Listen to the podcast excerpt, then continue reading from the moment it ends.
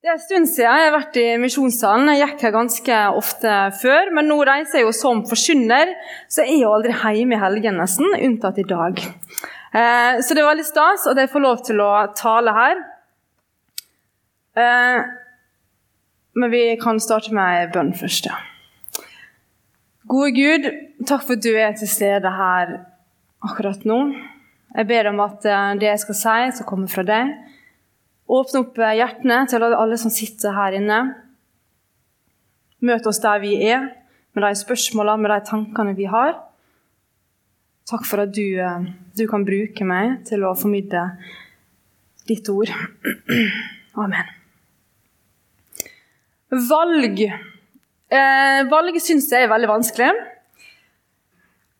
Hva skal jeg gjøre med livet mitt? Er noe jeg tenker veldig ofte på. Eh, hvor skal jeg jobbe? Hvor skal jeg bo? Hvilken serie eh, eller film skal jeg se på kvelden? Hvor skal jeg dra på ferie? Hvem vil jeg gi hjertet mitt til? Valg er vanskelig. Hva om jeg velger feil? Og hva om det jeg velger, ikke velger meg tilbake? Hva om jeg blir avvist?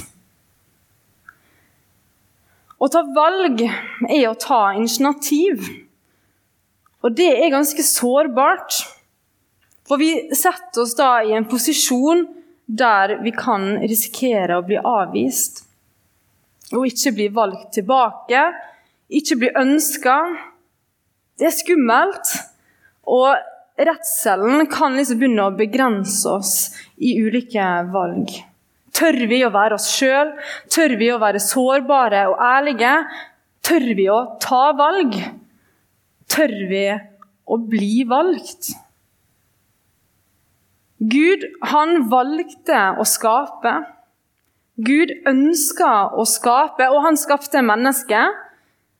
Han skapte oss i sitt bilde, og han skapte ut av seg sjøl ut av eh, kjærlighet som er hans kjerne, hans karakter. Og i den kjærligheten ga han mennesket fri vilje, muligheten til å velge. Og han så at det han nettopp hadde skapt, det var godt. Svært godt. Gud, han valgte oss den dagen. Gud tok initiativ og da han gjorde det, så satte han seg faktisk i en posisjon der han kunne bli avvist. Og så blei han det.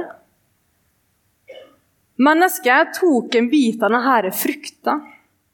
Mennesket ville gå den andre veien.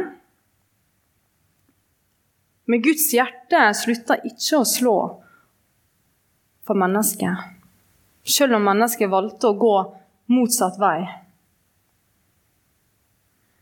Gud har ikke bare kjærlighet.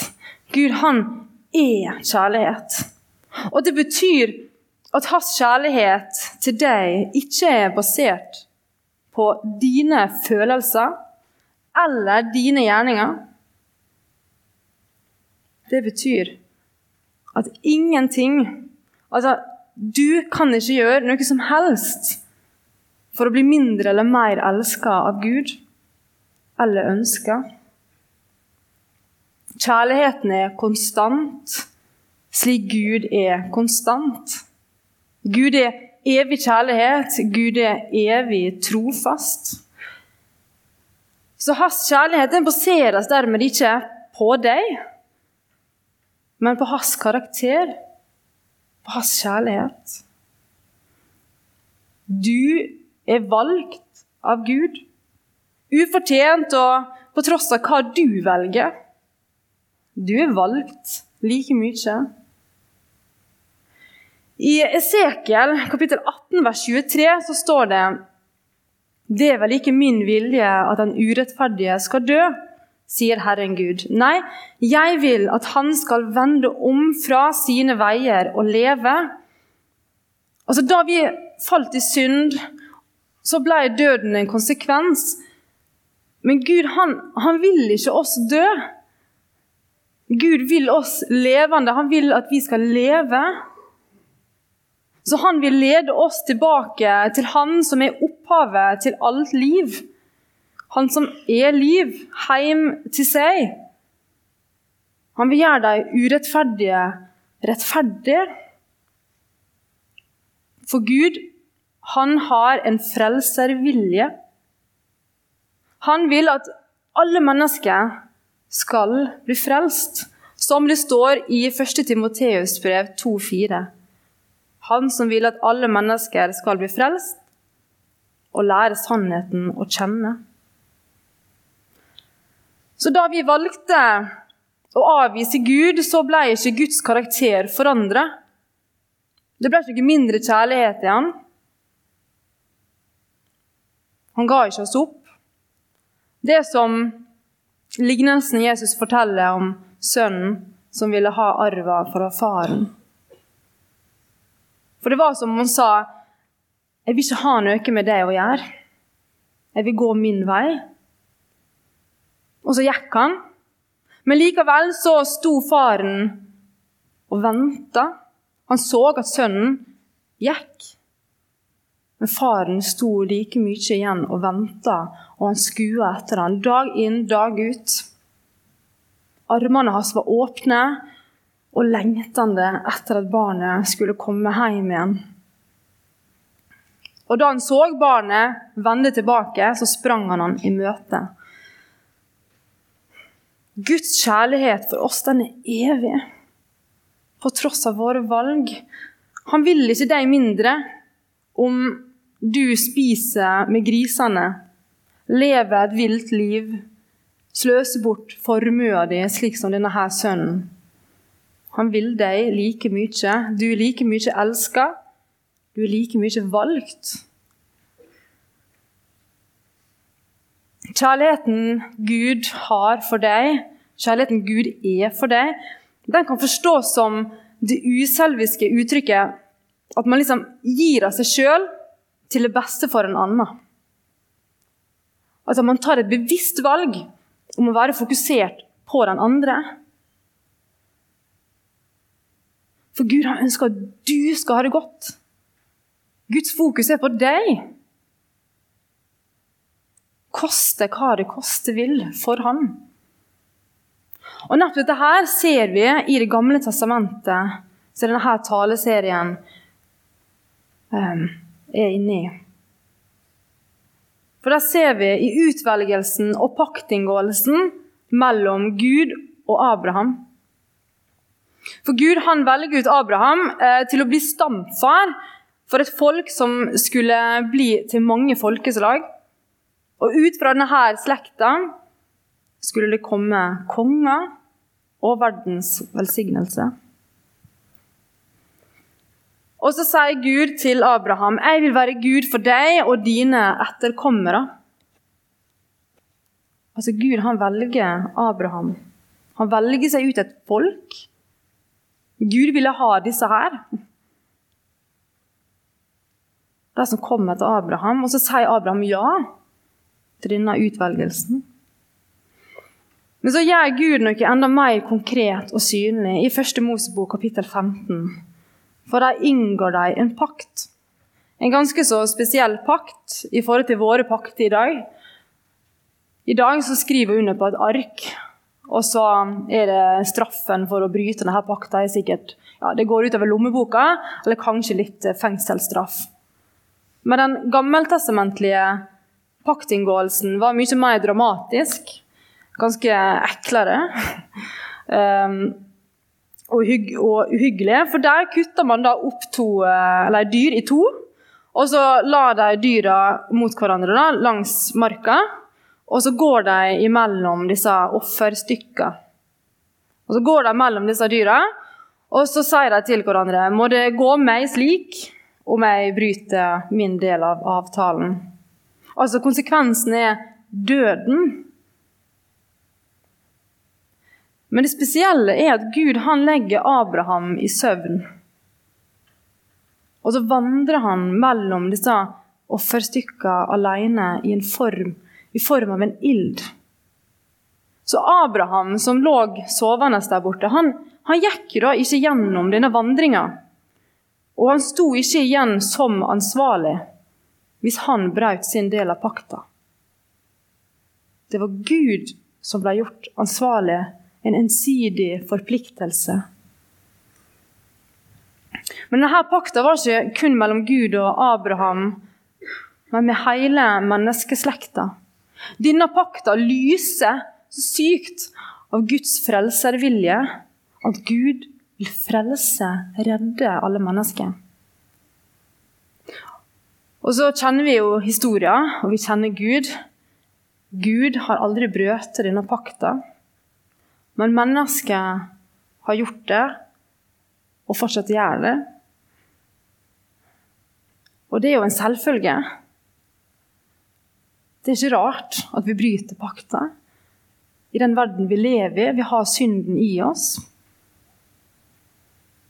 Det er umulig for oss å betale denne prisen. Men Gud har sagt jeg skal ta den. Jeg skal betale for den. Straffa ligger nå på meg for dine gjerninger.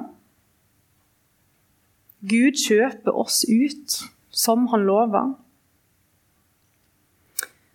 Men så går man noen hundre år fram i tid, og og Abrahams ett har vokst. Det har blitt et stort folkeslag. Eh, og så levde de under slaveri. Da ble de ganske store. Men så ble de fridd ut av det, av Gud. Og så vandra de i ørkenen i noen tiår, og nå da nærmer tida seg for det lovede land. Og Gud han har vært med hele veien, tross folkets mismot, klaging, svik. Så har Gud vært med. Og så taler Moses til folket, der jeg vil si at han prøver liksom å stille inn hjertene våre litt. Eller disse her, da. Kalibrere seg inn på at Nå skal du ikke se her at Guds kjærlighet ikke er basert på dere, men på Han. For det står i 5. Mosebok, kapittel 7, vers 7. Når Herren hadde godhet for dere og valgte dere ut, var det ikke fordi dere var større enn alle andre folk, for dere er det minste av alle folkene, men fordi Herren elsket dere og ville holde eden han hadde sverget for deres fedre, førte Herren dere ut med sterk hånd. Han fridde, han fridde deg ut fra slavehuset, fra faraos, egypterkongens hånd. Gud valgte israelsfolket basert på sin kjærlighet. Ingenting med hva israelsfolket var eller gjorde. For de var en av de minste folket. De hadde ikke noen særlig posisjon i samfunnet.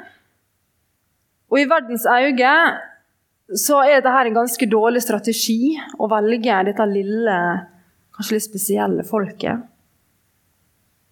Særlig om du vil ha noe makt eller innflytelse, så ville man kanskje ikke ha valgt disse her. Men Gud, han valgte israelsfolket. Og han holdt sin ed, sitt løfte, sin pakt. Og han var med dem han fridde dem ut av slavehuset, og nå skulle han lede dem videre. Ikke pga. hva de hadde gjort, men pga. hvem han var og er. Han har utvalgt dem som et hellig folk. Det er hans folk. Men da jeg skulle forberede meg til denne eh, talen, så fikk jeg denne teksten. Og så tenkte jeg bare å herlighet, hvordan skal jeg finne ut av det? hvor, hvorfor liksom, Gud valgte ut disse folket. Jeg rekker ikke det til i dag. uh, og det gjorde ikke jeg heller. Um, og det er fordi at uh, jeg la en bibelkommentar som redda meg på onsdag. For der står det deres forhold, altså Gud og Israel, var et resultat av et guddommelig valg. Et valg som forblir et mysterium. Og jeg bare Jøss! Jeg hadde så lyst til å ringe inn og bare 'Jeg er sjuk på lørdag'. Men når jeg fant den her, så bare Yes, yes, yes. Det er et mysterium. Jeg trenger ikke finne ut av det. Eh, altså, Guds valg, de er så gåtefulle uransakelig som jeg måtte søke opp. Hva betyr det egentlig? Gud han velger på en måte som vi på en måte ikke forstår, egentlig. Og så er det sånn godt å høre at det er et mysterium, men det skaper jo også ganske mye nysgjerrighet. Altså, ja, men hallo? Fortell meg hvorfor, hvorfor, hvorfor. Eh, men så går liksom nysgjerrigheten videre til galskap. Eh, og så til sånn usikkerhet og bekymring. Jeg bare Oh no! Hva er det med Guds valg? Vil Gud velge meg? Eh, når det er så gåtefullt? Ja.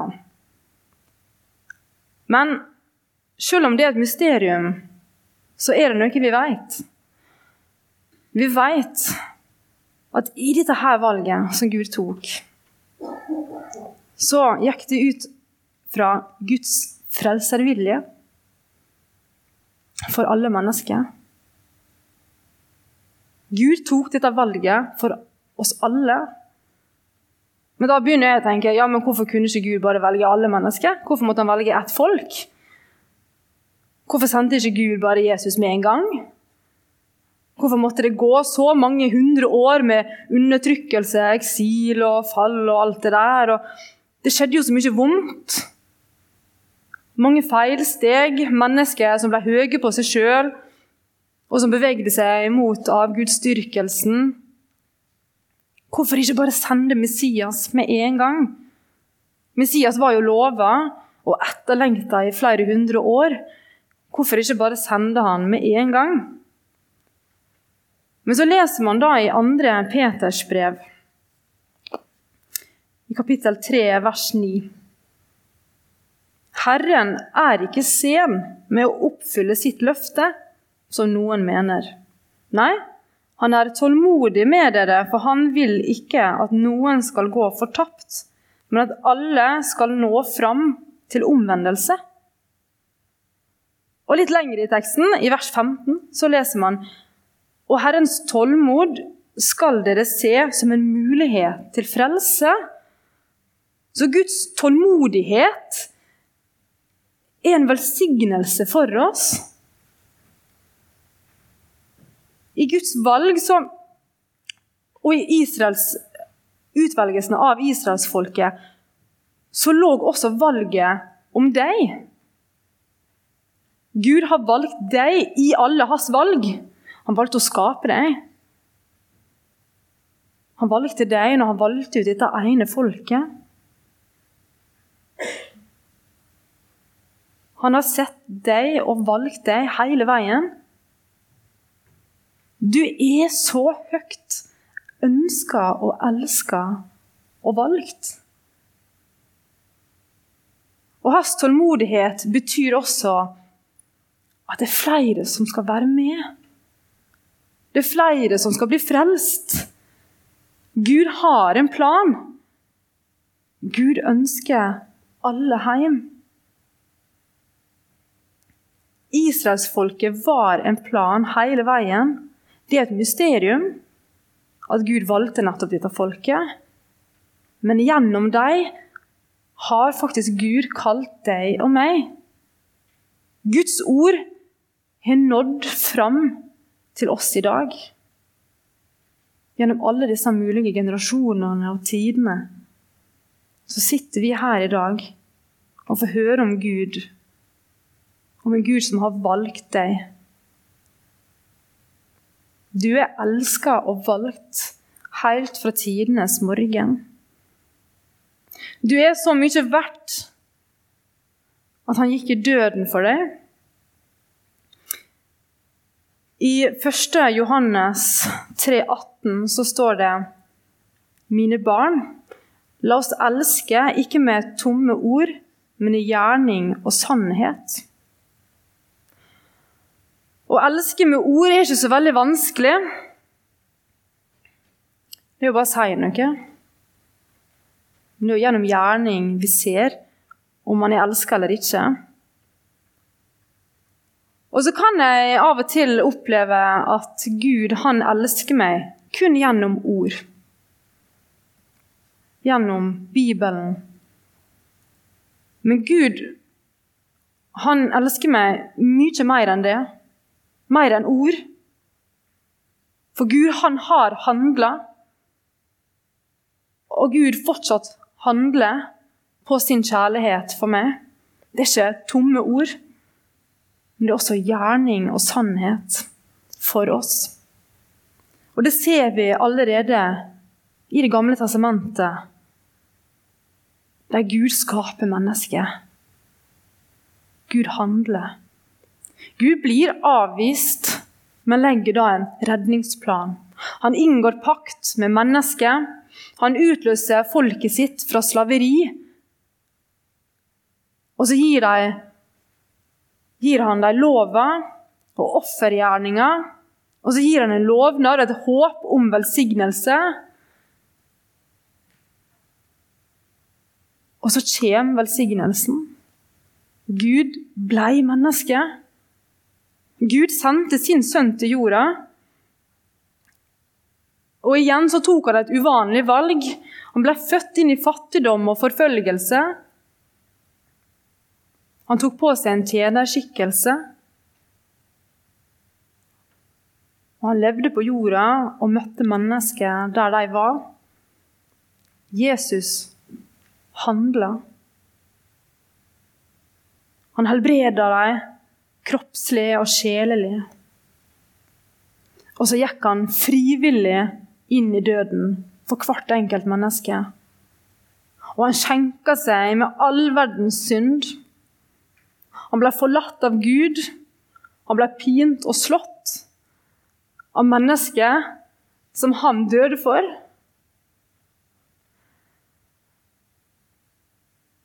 Jesus han elsker i gjerning og sannhet. Det er ikke tomme ord. Og Jesus gikk frivillig inn i døden for deg. Så Gud han holdt pakta han inngikk ute på denne marka med Abraham for mange, mange hundre år siden. Og prisen er betalt. Det er gjort. Gud har handla. Gud har valgt deg. Gud vil være din Gud. Hvilket valg tar du? Sier du ja til det? Du er valgt ut av kjærlighet. Ikke pga. hvem du er, men pga. hvem han er. Og tenk at vi kan få lov til å gå i det. Vi kan leve som Guds utvalgte. Vi er et hellig folk. Så vær hellig. Jesus sier til oss dere er verdens lys. Du er det, så vær det. Dere er jordas salt, så vær salt. Dere er hellige, så vær hellig. Du er valgt, så lev som valgt. Gå i Guds kjærlighet gjennom dette livet og inn i evigheten. Gå med Han som elsker deg aller mest, aller størst. Det er ikke tomme ord.